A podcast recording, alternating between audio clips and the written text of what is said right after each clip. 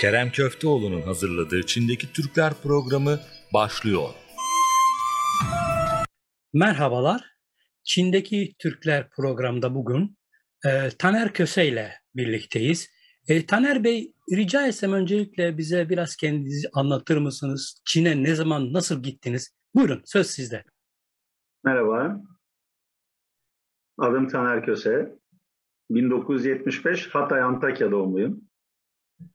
Çin maceram Arabistan'da çalışırken 2003 yılında e, çalıştığım firmada yaşadığım bazı sıkıntılardan ötürü maddi sıkıntılar da bunun üzerine ek olarak bir arayış içinde Çin'e gitmeye karar verdim. 2003 yılında Arabistan'dan kendi imkanlarımla atlayıp herhangi bir yabancı dil bilmememe rağmen ne yapacağımı da herhangi bir plan yapmadan atlayıp 2003 yılında Riyad'dan Guangzhou şehrine uçtum. Yanımda sadece İngilizce ve Türkçe sözlük almıştım. Yani havaalanında indiğimde sözlükten bakarak taksi, otel tarzı ihtiyaçlarımı gidermek üzere İngilizce sözlük kullanarak Çin'e adım attım. Ee, ilk 3 senemde Arabistan'a gidip gelme durumum vardı. Oturumum iptal olmasın diye Arabistan'da. Her 6 ayda bir, 4 ayda bir Arabistan'a gidip Çin'e geri dönüyordum. Ee, ilk gittiğimde Guangzhou'da yaklaşık bir 2 ay kadar sürede ikamet edip araştırmalar, işte orada tanıdığım yabancılarla konuşarak Iwu, bir, e, Iwu diye bir şehirden bahsedildi. Daha küçük, daha yaşaması kolay, e, daha ucuz. Bu şekilde yönlendirmelerle İU'ya seyahat ettim ve 2003 senesinden beri orada ikamet etmekteyim. İU'ya gittiniz. Orada e, ne yaptınız ya da ne bileyim şirket mi kurdunuz? Neler yaptınız İU'da? Benim için ilk gidiş işte maceraydı. Dil sıkıntısı da vardı. İlk gittiğim 4 ay bir Çinliyle pazarda araştırma yaparken, ürün araştırması yaparken tanıştığım bir tane Çinliyle aynı evi paylaştı. Elimde çok fazla para olmadığı için ucuz otel, ne bileyim kalabilecek en uygun yerleri araştırırken, çarşıda sohbet ederken daha önceden Arap ülkelerinde çalışmış bir Çinliyle tanıştım. Durum izah ettiğimde gel bende kal dedi. Madem 4 ay kalacaksın. Evini paylaştım. Ee, onun yönlendirmeleriyle bazı araştırmalar yapıp ürün bulmaya, daha ucuz ürün bulmaya çalışarak daha önceden çalıştığım, tanıdığım tüccarlara e-mail yoluyla o dönemler MSN denilen programı kullanıyorduk. Fotoğraflar ve fiyat bilgileri göndererek araştırmalar yapmaya başladım. İlk gittiğimde dil sıkıntısı olduğu için resmiyette nasıl şirket kurulur, ne yapılması gerektiğini hiç bilmediğimden bu şekilde yani amatörce ürün bazında araştırma yapıp fiyat araştırıp müşterilerime, tanıdıklarıma işte bu fiyat, bu ürün var yönlendirmesiyle de pazarda, çarşıda bu tür araştırmalar yapıp bir ticaret yapmaya çalıştım. Arabistan'da çalışmış olduğum firmalar tanıdıklarım sayesinde iş yapabilme olanağım oldu kısa sürede. Yani bir hayal gibiydi. Sipariş verip işte Arabistan'dan hesabına para gelmesi, o dönemler şirket olmadığı için kendi şahsi hesabımızı kullanıyorduk. Müşteri kendi hesabımıza para gönderiyordu. Parayı alıp bozduruyorduk bankada. Tabii dolar bazında gönderince Çin parasına çevirdiğimizde daha büyük bir miktar oluyor. Çantalarla götürüp satıcılara verme veya fabrikalara ödeme. O tarz başladık işe. Yani bir beş ay sonunda ilk ticaretimi yaptım. Arabistan'a bir konteyner mal gönderdim. Sonucunda güzel bir para kazandım. O dönemin parasıyla bir 4-5 bin dolara yakın bir para kazandım. Bu benim için çok çok büyük bir paraydı. Benim içindeki bir yıllık masrafıma mukabildir yani. O heyecanla yani hem dil öğrenmeye hem ticareti öğrenmeye çalışarak işin içine girdik. İşte 3 sene sonunda Arabistan'a gidip gelmemin artık bir anlamı kalmadı. Boşuna çünkü oturum, uçak parası, ne bileyim masrafların fazlalığını önlemek için o şekilde bir karar verip 2006 yıllarında Arabistan'la da ilişkimi kesip yerleşik olarak Çin'de yaşamaya başladım. Çin'de şirket kurdunuz. Yanılmıyorsam şirketinizin adını da işte Antakya'dan kaynaklı bir, biraz evet, o verir misiniz? Antakya'nın tarihi ismidir Antioçya. Ee, benim de çok sevdiğim bir isimdi.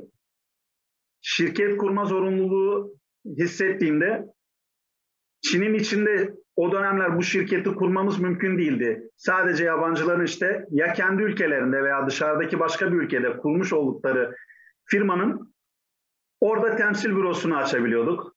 Yaptığım araştırmalar sonucu en uygununun Hong Kong üzerinden olduğunu öğrendim. Hong Kong'da 2007 senesinde Antiochia Company diye bir firma açtım.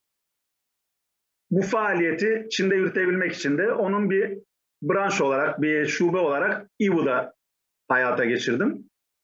Ve resmi olarak lisansım oldu, işte çalışma iznim oldu, oturma iznim oldu. Hayalim olan bir iş yapmak istemiştim.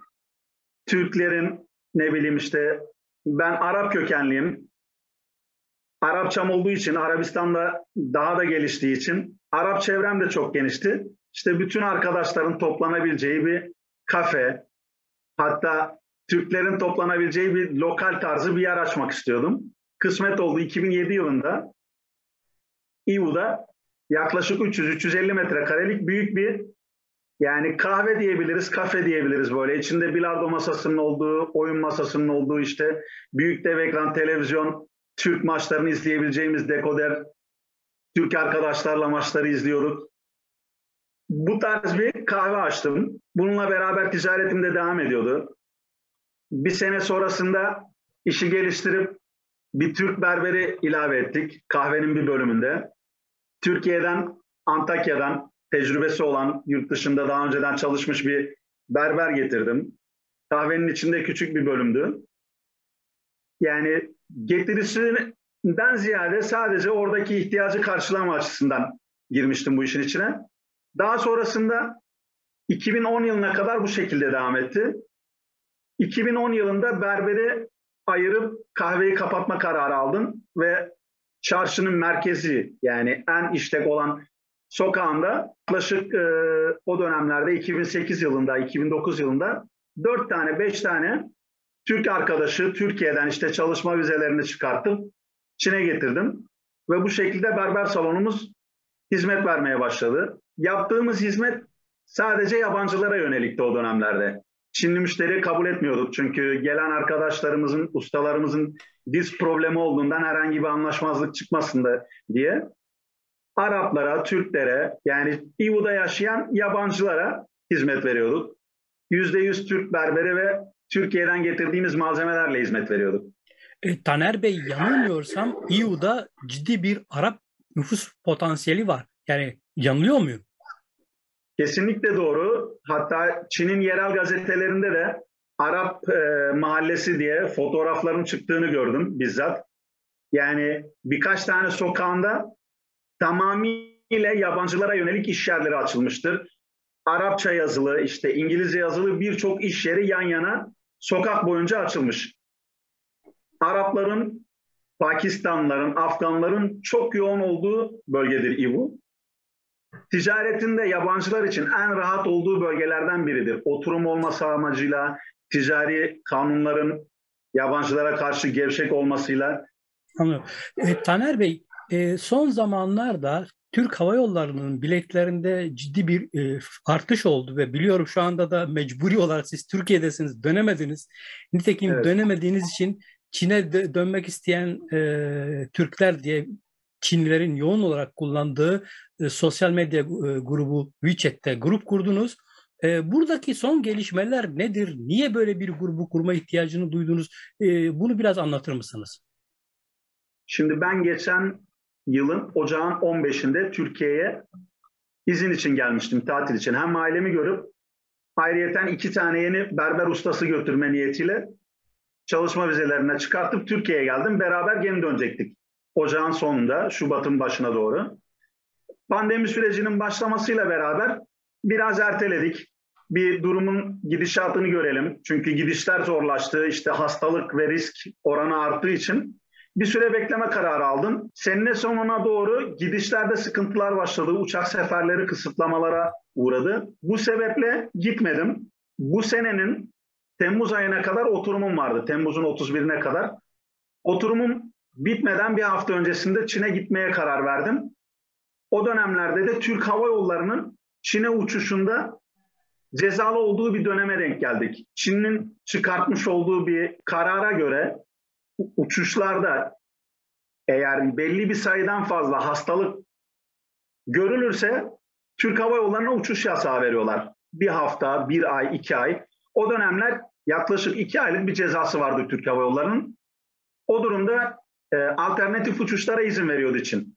Yani Türkiye'de yaşayan Türk vatandaşları Türk Hava Yolları'nın direkt uçuşları iptal olduğunda, cezalı olduğu durumlarda alternatif e, komşu ülkelerden gidiş hakkı tanıyorlardı. İran Hava Yolları üzerinden bilet aldık o dönemler. Uçuştan iki gün önce test yaptırma zorunluluğu var. Havaalanında testlerimizi yaptırdık ve PCR sonucumuz yüksek çıktı. Çin konsolosluğu bana e, yeşil kod vermedi. Uçağı alam, e, almadılar. Bu şekilde hem bilet paramdan oldum hem de vizem bitti. Onun sonrasındaki durumda da şimdi yeniden çalışma vizemi çıkarttım. Geçen hafta çıktı. Şimdi bilet fiyatlarına bakıyorum. 155 bin TL'den bahsediyor Türk Hava Yolları. Bu konuda çok büyük bir sıkıntı var. Benim gibi yaklaşık bir 500 kişilik grubumuz var WeChat'te. Türkiye'de olup Çin'e gitmek isteyen veya Çin'de işleri, eğitimi, yatırımı olan Türk vatandaşlarının bir arada olduğu sorunlarımızı paylaştığımız bir grubumuz var. Kurucusu ben değilim bu arada. Ben sonradan dahil oldum. Ee, şu an bizim tek seçeneğimiz Türk Hava Yolları ile gidebilmek ve Türk Hava Yolları'nın bir uçuşu var haftada. Salı günleri uçuyor.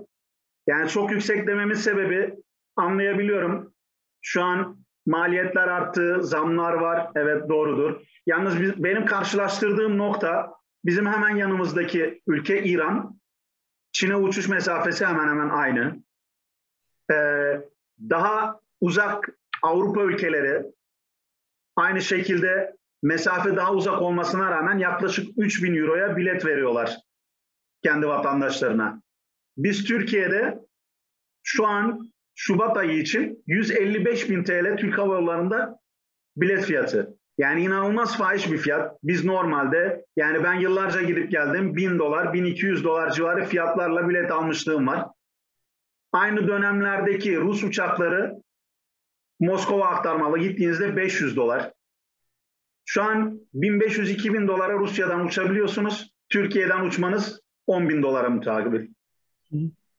E, yani böyle bir sıkıntı var. Bunu nasıl çözeceğiz? Türk Hava Yolları ile görüştük. Topu Çin hükümetine atıyor. Bize daha fazla uçak sefer sayısı vermedikleri için biz haftada bir defa uçabiliyoruz ve maliyetlerimiz arttığı için buna sebep Çin hükümeti diye topu o tarafa atıyorlar. Peki Taner yani, Bey siz Çin'e dönüş grubunda iki tarafın da e, kapılarını çaldınız mı? Neler yaptınız? Yani ne anlattınız? Çünkü sonuçta e, ortada bir sorun var ve bu sorunun e, çözülmesi gerekiyor ve biraz önce siz de söylediniz hepimizin e, e, kabul etmesi gereken acı bir gerçek var. Bu aralar hemen hemen her yerde maliyetler arttı. Ama tabii bu maliyetler arttı diye bunun tek başına sizden, yolcudan alınması da doğru değil. Bir çözüm yolu görebiliyor musunuz? Bir çözüm öneriniz var mı? Yani çözümü bence ek sefer talebi veyahut da Türklere yönelik aktarmalı uçuş izin verilmesi. Yani bunu bizim Çin'deki büyükelçilerimiz veya buradaki dışişlerinin yardımıyla olabilecek bir şey. Birçok ülke vatandaşına transit yerine aktarmalı uçuşa izin veriliyor. Biz Türkiye'de Türk vatandaşlarına transit zorunluluğu var. E, transitte uçan tek bir tek Türk Hava Yolları var. Ona da kısıtlama getirmişler. Salı günü bir uçak kaldırıyorlar haftada bir. Bu şekilde çok fahiş fiyatlar artı çok büyük mağduriyetler var. Yani daha yüksek fiyattan bilet satın alan insanlara hani bu duyum tabii ben yüzde yüz emin değilim. Yalancı duruma da düşmeyeyim. Daha pahalıdan bilet satılıyor. Ucuz biletler boşa alınıyor. Son günü işte iptaller oluyor. Mağduriyetler yaşanıyor. Siz bu konudaki taleplerinizi en azındaki Çin'deki Türk makamlarına ilettiniz mi? Onlardan ne gibi bilgiler aldınız? Yani onlar ne dediler? Biz uğraşıyoruz mu ya da uğraştık çözemiyor muyuz? Var mı bu konuda bir bilgi? Şöyle bir duyum aldım. Şu an Çin'de yaşayan bir Türk vatandaşımız Çin makamlarıyla görüşecek. Türklere aktarmalı uçuş izni için görüşmelere başlayacak. Onun dışında biz konsoloslukla görüştük. Ellerinden herhangi bir şey gelmediğini, bu Çin hükümetinin bir e, yaptırımı olduğunu dile getirdiler. Yani biz vatandaş olarak çok büyük bir mağduriyet içindeyiz. Ben normalde Çin'de ailemle beraber yaşıyorum. Ailemle beraber gitmeye kalksam bugünün şartlarında 155 bin TL, 6 kişiyiz. Yani 1 milyon TL'ye yakın bir para yapar bu. 155 bin TL'ye burada bir ev satın alabiliyorsunuz şu an. Ben bunu gitmek için uçak parası olarak vereceğim. Orada 21 gün zorunlu olarak otelde kalacaksınız. Yaşadığınız şehirden farklı bir şehirde iniyorsunuz uçaktan. 2 yıldır ben Türkiye'deyim. Orada benim iş yerim duruyor. Vergilerim devam ediyor. Sigortalarım devam ediyor. Anladım. Yani büyük bir mağduriyet içindeyiz. Türk Hava Yolları ile görüştük. Herhangi bir şey yapabileceğimiz yok.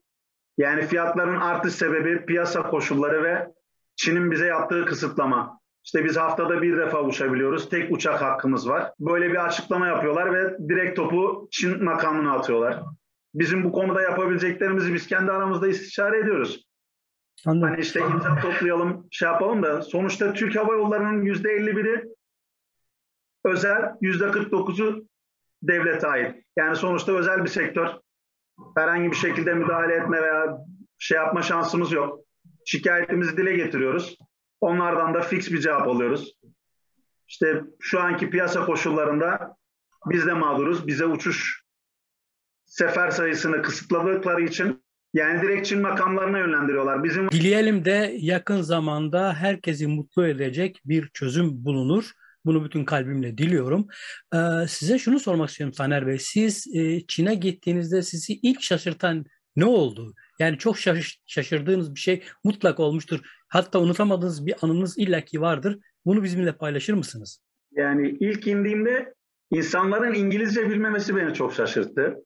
Ben de bilmiyordum. Elimde sözlükle ben havaalanına indiğimde oteli bulmak için çok zorluk çektim. Taksi şoförüne yani sözlükten bakarak otel, hotel, motel bütün bunları telaffuz etmeme rağmen taksi şoförüne anlatamadım ne, ne, nereye gitmek istediğimi. Ondan sonra işaret diliyle işte uyku, ev, Çince bana otelin ismini söyleyerek ha Bingwan ben ne olduğunu anlamadan evet dedim çünkü çaresizim tamam deyip taksiye bindim. Elimdeki gideceğim adresi gösterdim. Beni otele götürdü. Ondan sonraki süreçte de işte yemek yeme konusunda ne bileyim yani bir McDonald's bulma konusunda çok büyük zorluk çektim. Çinli'ye soruyorsunuz McDonald's yani Türkçesini okuyarak söylüyorum olmuyor. İngilizcesini sözlükten bakıp çeviriyorum olmuyor. Sonrasında gezerek buldum. Öğrendim ki McDonald's'a Maydanlo diyorlar. Öyle bir anım olmuştu. Çok garibime gitmişti. Çin'in neler Ama değişti şimdi- peki? Çin'i değişen bir şey var mı bu konuda? Şu an benim yaşadığım İVU'da İngilizce bilenlerin oranı çok çok yüksek. Yani hiçbir sıkıntı yaşamadan İngilizce işlerimizi yürütebiliyoruz. Dünyanın en büyük perakende pazarı hakkında biraz bir bilgi rica edeceğim. Yani biz orada aracılık hizmeti veriyoruz. Ee, müşterilerimizin çoğu bizim yönlendirmelerimizle ticaret yapıyorlar. Yani yeni gelenler için orada bizim gibi herhangi bir aracıyla çalışmalarında büyük fayda var. İşlerini çok daha kolay ilerletebilirler. İVU'daki pazar yani kolaylık olarak Çin'in hiçbir tarafında olmayan özelliklere sahip. Aradığınız her şeyi bulabileceğiniz bir çarşı. Bir karton, beş karton, bir konteyner malı aynı dükkandan alma şansına sahipsiniz. Genelde gelen müşteri portföyü işte karışık mal alan, her iş yerinden 10 karton, 5 karton alıp bir konteynerde bir sürü ürünü tedarik edebilen bir pozisyona sahip. Kalması rahat, yemek problemi ilk etapta çok büyük bir sorun gibi görünüyor gitmeyenler için. İVU'da böyle bir sıkıntımız yok. Çok güzel Türk restoranlarımız var.